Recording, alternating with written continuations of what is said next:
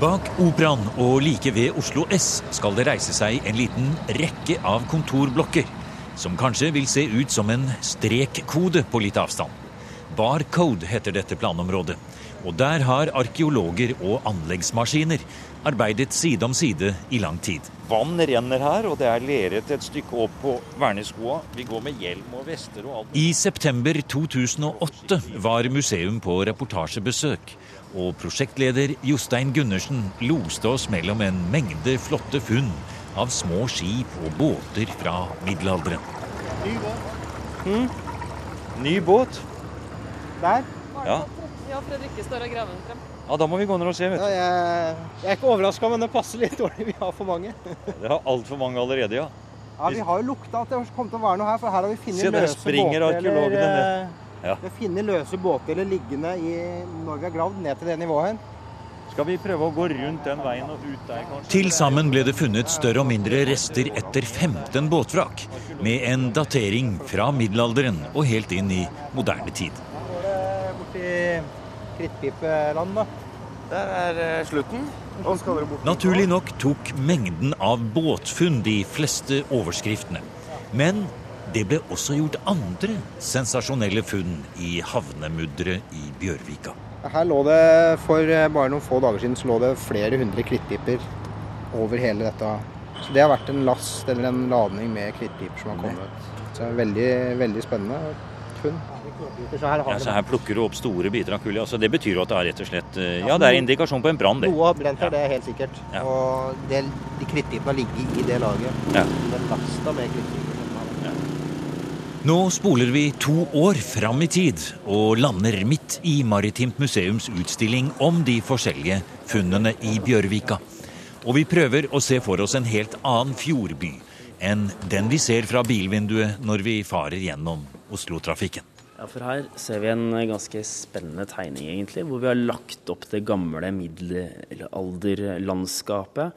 Og så har vi satt på fjordbyen eh, som strekker seg ut fra den gamle strandlinja. Og den gamle strandlinja den går som en rød tråd her, helt inn til Grønlandsleiret eh, bak Oslo S, og så strekker det seg videre ut mot Akersneset. Så her ligger eh, jordene på yttersida, ingen, ingen hus å se. Eh, Alnaelva, gamlebyen med alle de små husene og røyk fra pipene, eh, kirkene. Eh, det ser fredelig og stille ut. Og så har vi liksom den store byen med, som har bygd eh, seg ut eh, nå i moderne tid, da, med Oslo S og Operaen. Og her har det jo ligget båter inne i bukta i all tid. Bryggekar, eh, også hus. Og det er jo nå fylt igjen og utgravd og utsjakta, og så delvis gravd opp av oss, da. Marinarkeolog Jørgen Johannessen er nå en av flere arkeologer på Maritimt museum på Bygdøy som er i full sving med etterarbeidene fra utgravningene i havnebassenget i Oslo. Mens noen av hans andre kollegaer konserverer og registrerer skipene, lager 3D-animasjoner og forbereder en fullskala replika av båtvraket som kalles Barcode 6, har Jørgen Johannessen tatt for seg en helt annen del av funnmaterialet. Ja, der tenker jeg spesielt på ett stort funn på Barcode-tomta der vi fant eh, mange båter. Eh, Der eh, sto det antagelig oppe på et eh, bryggekar en, eh, en kasse med krittpiper.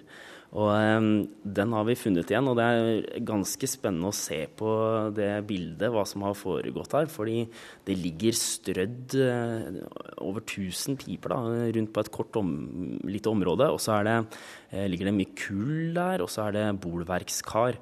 Og vi står og graver da og spyler dem fram for å finne, se hvordan det ser ut og ta bilder. Og vi står egentlig to meter under havoverflata. La oss, gå, la oss gå bort og se deg, for vi går nå gjennom den utstillingen som dere kaller for Skipskirkegården her på Norsk Maritimt Museum. og Her svømmer det faktisk fisker, og det er et stort akvarium. Og det ligger en bit av en av disse mange flotte skipene som dere fant der. Rundt på veggene flotte bilder, plansjer, også gamle, flotte oljemalerier av dette området. Her går vi forbi en stor, en stor um, monter med keramikk, som jo også var et stort funnmateriale. Ja, stemmer. Vi prøver å vise fram hele rekka med funn, ikke bare båtene. Og vi tar også inn, som du nevnte, oljemalerier og bruker hele museets kompetanse for å vise fram hva vi har eh, fra Bjørvika. Eh, så keramikken er en del av det, men også disse pipene, som jeg er spesielt opptatt av. Det er, det er mange som kaller deg nå, Jørgen, for pipolog. Hva syns du om det, den betegnelsen, når du egentlig er arkeolog? Pipolog, ja. Nei, det er jo en litt artig betegnelse, det for så vidt. Jeg tar ikke det så veldig seriøst. Det er jo ikke noen egen disiplin som heter eh, pipologi. Men eh, man får jo som arkeolog da ikke alltid anledning til å gå løs på et helt nytt gjenstandsinventar, og det er det som jeg kan gjøre med krittpipene. Ja, for det vi tenker oss, Hvis du forklarer oss det eh, nå altså Vi har jo tidligere sagt at det er et stort vannspeil der som Oslo S ligger og alt det andre eh, befinner seg i dag, med operaen og det hele. Men det var vel et veldig veldig grunt eh, område, egentlig? Ja, det er et ganske grunt område. så uh, Bolverkskarene er bygd uh, temmelig langt ut fra strandsona på den tida, og da snakker vi antagelig er vi på Eh, slutten av 1500-tallet, tidlig 1600-tall, når de bygges, disse bolverkskarene og kaiene. Så her lå båtene, og man kan jo liksom se for seg Akerselva som renner ut med all sagflisen som ligger og gjerder, og tåke, og det skvulper og lukter litt råttent. Det høres litt som uh, Charles Dickens-aktig ut? eller? Ja, det gjør det. Charles Dickens tror jeg kanskje har en enda mer energisk havneaktivitet av en stor by, men han, her er det akkurat her ute tror jeg kanskje det er litt roligere. Mm. Men det er klart, vi er en del av en stor verden, og det kommer eh, båter fra hele verden. Og denne, denne, i denne tåka, som du sier, og disse lange denne bryggeområdet, da, helt ytterst der ute, så ligger det altså en stor kasse som inneholder krittpiper. Kanskje det er mer enn én kasse også? Ja, det kan ha vært Men det ligger veldig tett, da. Og så er det litt uh, pussig at det ikke er mer som er, uh, ligger, uh, har stått på brygga som, har, som, ligger i vannet. Men det kan jo hende at varmeutviklinga har vært så stort. Da. Stoffer og tøy f.eks. går fullstendig opp i røyk. Da. For du vet jo faktisk nøyaktig hvilken dato det er vi snakker om nå også? Ja, dette her må være den store bybrannen i Oslo 7.8.1624. Da brant det i tre dager, og store deler av gamle Oslo ble fullstendig ødelagt. Og som vi kjenner, så er det da Christian Kvart som bestemmer seg for å bygge den nye byen i Kvadraturen ved Akershus. Og det står vi og ser på et bilde av her. Og få, noe av det som brenner, er altså et pakkhus eller et lagersted eller hva det kan være, hvor det altså har stått en eller flere kasser med ja, hvor mange krittpiper da var det? Ja, Det er over 1000 piper, men noe som var litt eh, artig, var jo at vi, eh, vi har jo tenkt litt på eh, hva som har vært av krittpiper inne i Oslo, og, og, tenkt litt rundt det. Fins det piper så tidlig som 1624? Fordi eh, det store massekonsumet av krittpiper og tobakk den kommer med de store plantasjene i Virginia, og da er det rundt 1610. Sånn at vi har antagelig har tobakken vært kjent i Oslo før det. Men eh, da kan man tenke seg at vi har et gryende masseforbrukerkonsum av tobakk og krittpiper. Ja, for dette skulle jo selges, Jørgen. Og altså for å få solgt 1000 piper, så må det jo bety at det må ha vært, eh, om ikke akkurat 1000 personer, så i hvert fall mange hundre som var i det markedet. De må jo ha hatt anledning til å få tak i tobakk som man skal ha oppi pipene. Og det må være noen butikker som selger tobakk. Så vi ser plutselig for oss en hel liten eh, del av byens eh, nytelsesliv her, da. Ja, nettopp. Og vi har så fra hvis vi tenker oss eh, hvor de, den produseres, da, hvor pipene produseres, for de er jo ikke lagd i Oslo. Den der leira er, så Det heter jo krittpiper, for det er hvite piper som er lagd av en spesiell leire som ikke fins i Norge. Så vi vet at de er produsert en annen plass. Eh, og da er det jo enten Nederland eller England. Um, så det som har skjedd her, må jo være at det har kommet en, en båt med et stort parti piper til et eh, altså distribusjonsnettverk. Det må jo ha vært et behov. Den setter jo ikke bare fra seg en stor kasse med piper. Det bor kanskje ah, maks 3000 personer i Oslo. Hvis det er 1000 piper som alle er produsert samme dag omtrent, helt eh, samme mønster, så er det klart at dette er noe som man kjenner til. Det er ikke det første møtet med tobakken vi står og ser på.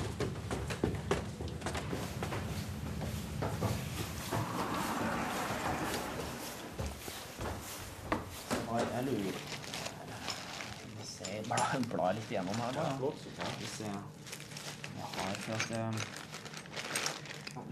Ja, her har vi Og se her, her ligger det altså da et lite, får vi vel si, herr Jørgen, utsnitt av din pipesamling. Men altså, her ligger det mengder av krittpiper. Eh, Men altså, hvor mange Altså, hvor stor samling har dere egentlig her på Maritimt museum nå? Én, to, tre, fire plastesker og masse poser her. Så har dere enda mer. Ja, vi har mye mer, men er, jeg er litt usikker på antallet. For vi har ikke fått anledning til å se igjennom det. Men det er jo en av de tingene jeg har lyst til å gjøre. Men jeg vil anslå at det er noen tusen. eh, Og ikke bare det med at eh, altså antallet, men det viktige her er jo at det da er et bredt eh, spenn. At det er veldig forskjellige piper fra både forskjellige steder, og at de ser forskjellige ut. Og jeg har vært i kontakt med arkeologer i eh, London. Der har de lange tradisjoner for å studere krittpiper og eh, i en arkeologisk eh, kontekst. Da. Ja, har dere mer krittpiper her enn i London?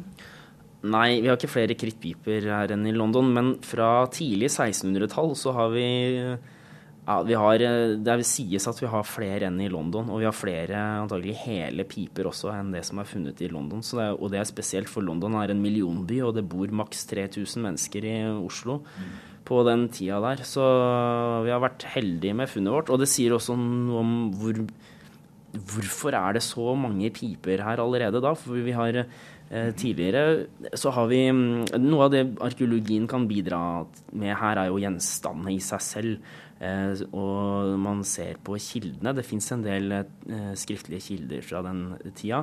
I eh, Oslo eller Kristiania da, fra så finnes det veldig lite overlevert av tolldokumenter. Eller de er helt fraværende fram til slutten av 1600-tallet.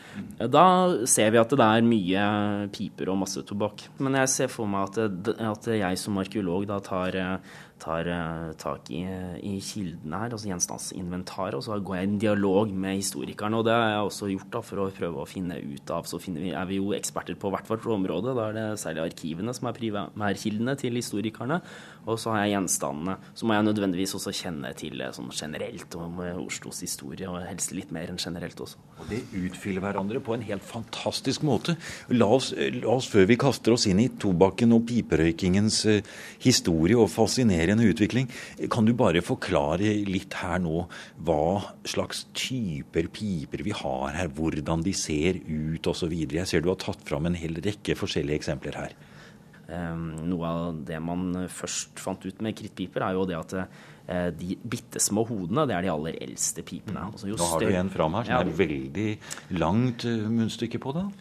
Ja, også en og et bitte lite pipehode. Det er sånn fingerbølstørrelse på. Det er litt, kanskje litt overraskende for oss. Og, Og det lukker seg inn mot toppen og har en litt eh, skal vi si, rundere fasong på midten. Ja, den har liksom en barokkform, jeg nesten kalle den. Man blir litt så rar av å sitte og se på sånne former, fordi de, man sitter litt og smaker på dem og har nesten ikke ord for det. Så, øh, men øh, de skiller seg liksom litt forskjellig fra hverandre. Her har jeg en annen en. Mm, annen, Og den er, den er jo også Ligner litt, Ja, ligner ganske mye. Den er litt grann lengre, kanskje, i pipehodet, og den er fra slutten av 1600-tallet. Mens den første her, med det aller minste og rundeste formen, er fra tidlig 1600-tall.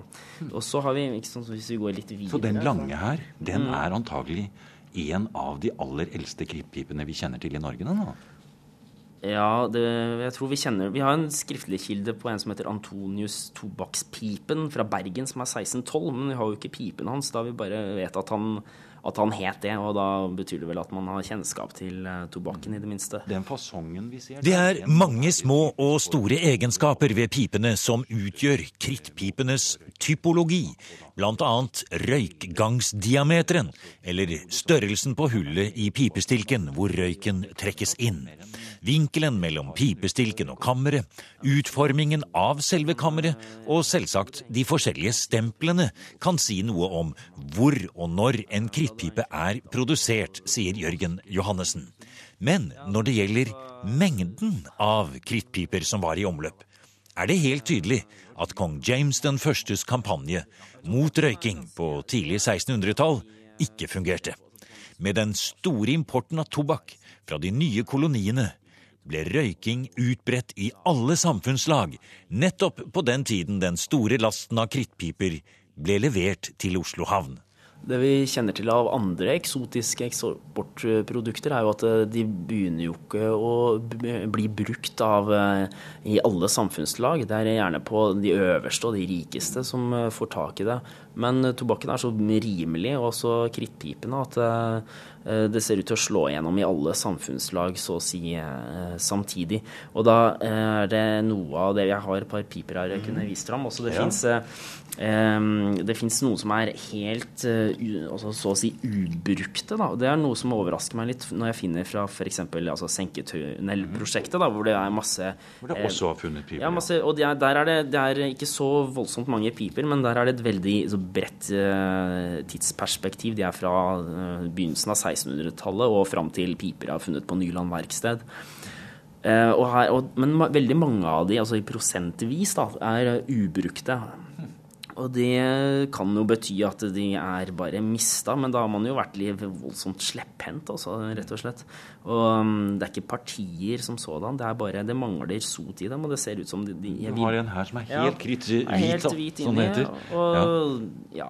hva er det som har skjedd? Jeg ser for meg at, man, at det er så rimelig at man kan begynne å sløse litt med det. Og hvis vi, på, hvis vi ser for oss um, eh, dagens samfunn da, som et forbrukersamfunn, så eh, har jeg tenkt at uh, dette er et gryende forbrukersamfunn. Altså at du kan konsumere og bruke Eh, et produkt du egentlig ikke trenger. Det et, eh, et uttrykk som blir brukt her, er 'popul luxury'. At har, det, er, eh, det, ser ut som luksus, men alle har råd til det.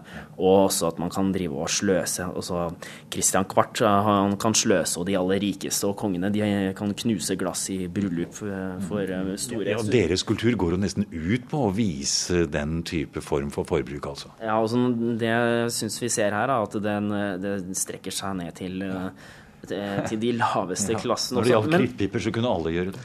Ja, men der må man også være litt forsiktig når man sitter og studerer materialet. Da, for jeg, da er man jo litt forutinntatt. Så jeg har både sett etter piper som er helt ubrukt med tanke på at det er et forbrukersamfunn, overflødighetssamfunn på mange måter.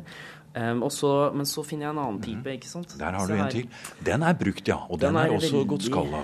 Den er veldig godt brukt. Det er soti. Og så er det noe som jeg syns er litt artig når man sier at man en, Eller mange tenker at en pipe er, den er billig og kan bare kastes, og den har et par ukers levetid. Det er at det har gått skala pipa oppe i hodet, og i Eh, i skåret så er det sot. Mm. Det betyr jo at den er, den er brukt, brukt etterpå. etter at den eh, på mange måter var ødelagt. Den er, men den er jo fullt brukbar, da. Mm. Så disse står i motsetning til hverandre. Det vil jo da kan jo grunnen til det være at enten så har man ikke altså, ressurser økonomisk til å kjøpe seg ny, eller kanskje det man bare har lyst til å bruke den. Det er jo ikke noen grunn til å kjøpe noen ny. Nei, og, og, den du viser fram her nå, den har jo nå plutselig blitt litt større pipehode på enn den aller eldste du viste oss, som var et fingerbøl. Her er det kanskje tre eller fire ganger så mye tobakk som får plass oppi det pipehodet. Ja, den er langt større. Da mangler jeg stilken på den. Jeg kan vise deg eh, stilken på en her. Her ser man at eh, altså noe som eh, Der tar du fram en hel en, ja. Den er ganske ja, lang. Men, er ganske, og den har også den er, brutt selve munnstykket her borte på den. Ja, den har vært enda lengre, men eh, eh Og pipehodet er ganske stort. Også munningen på mm. pipehodet går parallelt med stilken. Mm, vannrett der, ja. Dette er noe nytt. Det kommer på 1700-tallet. Eh, og kjennetegner eh, engelske piper. Den er produsert i England. Vi ser altså på en slags en, en moteutvikling eller en kanskje praktisk utvikling som gjør det lettere eller enklere å holde oversikt over hva som brenner oppi der. Ja, på, jeg tror at det er, eh, det er motetrekk også sier noe om eh, hva den som røyker, tenker om seg selv. Her det blir en del av bekledningen, på en måte, ja, om hvordan pipen ser ut. Ja, Hvis vi tar den engelske, så er det en mhm. voldsomt lang stil. Den har vært mye lenger enn det. Og du tror den har vært så lang? Nå ja. viser du fram kanskje 40 cm. Ja, og den er jo Eh, den er på en måte upraktisk, men det spørs jo hva du skal bruke den til. Altså Hvis du sitter i salongen med en eh, kopp eh, kaffe på 1700-tallet og røyker, så er det jo, ser det flott ut. Du kjører Nå holder du den i hånden sånn. Og, ja. Ikke sant? Det er, veldig, det er, veldig, fint, men det er jo ikke noe du kan bruke mens du arbeider. Her arbeider man intellektuelt. Altså. Mm. Men hvis vi tenker litt på den der, altså bruken her, da, på disse her Hvis jeg tar tilbake tar til den barcode-pipa, som var sånn veldig liten. liksom liten. Men eh, det som kjennetegner på mange måter også 1600-tallet, og kanskje litt før det også, det er, eh, det er den vågale eventyreren, som er også i hvert fall som et forbilde. da, Vi kjenner eh, sjøhelter som sir Walter Raleigh, som er og undersøker eh, ja, elver og, eh, i Amerika. Og de, han, han, er jo veldig kjent for å røyke da, når han kommer tilbake til England. Så jeg ser litt for meg at eh, hvis vi tar tak i det mentale til de som røyker, så er det på mange måter å se opp til den sjøhelten. Altså Alle som røyker, er ikke vågale eventyrere, men det er eh, det man ser opp til. Det ligner jo, hvis jeg skal ta en moderne parallell, eh, Marlboro Man. Altså det, ikke sant? Eh, alle som røyker, er jo ikke Marlboro Man. Det er jo sjelden en cowboy går inn på Rimi og kjøper en pakke tobakk. Men eh, det kan hende at det ligger mer latent med, med brandinga eller merket. Men den første Marlboro Man, i anførselstegn, det er etter din oppfatning her, Jørgen, kanskje sir Walter Raleigh, den kjente utforsker og eventyrer. Men har, vet vi noe om hvor, hvor piperøyking først på en måte blir introdusert for den europeiske oppdager? Ja, vi kjenner til altså Når det gjelder Columbus og spansk-amerikanske kontakter, så bruker man gjerne eh, Overtar den måten å konsumere tobakk Eh, på som man først var i kontakt med. Altså, og da er det mer Sigaren ligner mye mer på den spansk-amerikanske måten å, å, røyke på, fordi indianerne der eh, visstnok da skal ha røykt på den måten. Man ruller bladene istedenfor å kutte opp tobakken i små biter og legge det i et kammer for å røyke. Ja, mens i eh, Nord-Amerika så er engelskmennene de er i kontakt med amerikanere som, røy, som la, altså indianerne, eller den urbefolkningen, røyker eh, tobakk i leireforma piper. Eh, så det ligner De tar det en, på mange måter med seg den samme måten å konsumere tobakk på, men europeerne og eh, engelskmennene først, de eh, lager pipene i former, så de masseproduserer på en annen måte. Så de, man kan på en måte si at man overtar kulturen som indianerne har, og så omformer den på mange måter i sitt eget bilde og til sin egen eh, Eh, egen produksjon. Men det som slår meg, er at eh, alle disse pipene, disse store materialene fra i hvert fall de tidligste pipene, de har altså ingen form for utsmykning annet enn i det elegante designet og linjeføringen. da. På midten av 1700-tallet så kjenner vi til eh, sølvsmeder fra Nederland som utvikler eh, pipeformer med mye mer relieff. Jeg har en, en, eh, del her. Den er, ja, nå begynner det å skje noe, ja. ja her er det en sånn blomsterranke mm. du ser så vidt fra. Det er trykket inn i formen. Det er en del av formen. Den, ja, det er det. Og så er den, den pipa her er veldig knust og ødelagt. Den er også fra den der avfallshaugen inne på Akershus festning. Men den er, og den er fra slutten av 1700-tallet. Hvis vi er tilbake på den barcode-pipa fra 1624, så har den en sånn derre Du ser at det er lagd en liten kant rundt her, men det er jo ikke noe voldsomme greier. Og stem, stempelet, og så er det Det holder seg. Men uh, akkurat den der uh, å lage noe mye dekor og staffasje Vi har jo etter hvert nå, når vi kommer i og med at vi snakker om 1750-åra og den tida der, så begynner man å produsere krittpiper i Norge også. Da tar man rett og slett og importerer leire. Uh, og kjenner til Jakob Hvor, hvor skjer det hen? Jacob Boy i Drammen. Og her er det, hvis ikke jeg tar helt feil, så ah, står det Du har en norskprodusert? Ja, da står det I og B på sidene uh, på, uh, på noen av pipene jeg har her. Men de har den, de den engelske formen. Da. De har valgt den engelske formen. Ja. Altså Denne du står med der, det er altså en norsk krittpipe. En av de aller første produsert i Norge, fra Drammen. Ja, Hvilket årstall er vi på da? 1752 til 1760. Det er et ganske kort merkantilt eventyr i dansk-norsk historie. Men det, var, det, ble produsert over en million piper i året faktisk i Drammen, så det er jo et voldsomt antall. Da. Men de lager også engelske De fleste jeg har sett, er er, er, eh, engelsk type, da. Altså de ser engelske ut. Men jeg har eh, sett at de skal lage også hollandske piper. De har også en slags en salgsliste da, hvor du kan velge ulike produkter. Men altså, Dette store og morsomme materialet du har her, og det ligger utover hele bordet her på Maritimt museum. Eh, altså, Kommer du til å lage en doktorgrad på det, eller kommer du til å arbeide med det? For du har lagt fram noen litteratur her, og vi, vi ser du har en utgivelse fra Riksantikvaren der fra en del år tilbake. Det er det Dagfinn Skrev Skred som har arbeidet med krittpiper, så du er jo for så vidt i, i, i godt selskap der. Men altså, hva, hva skal du bruke alt dette forskningsmaterialet til?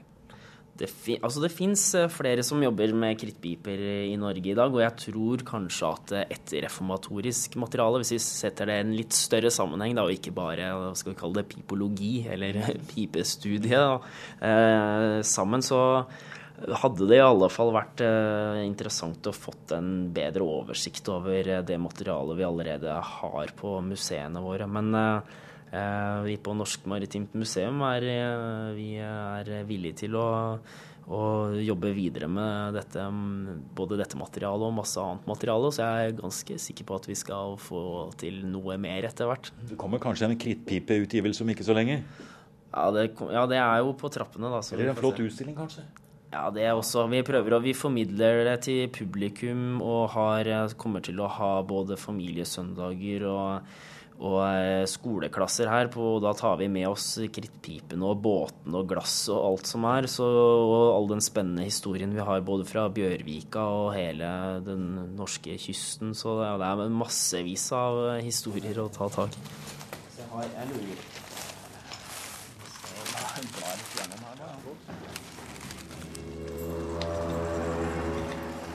Du har nå hørt programmet Museum som podkast fra NRK. Museum sendes i NRK P2 på lørdager og søndager. Du finner flere programmer på nrk.no podkast.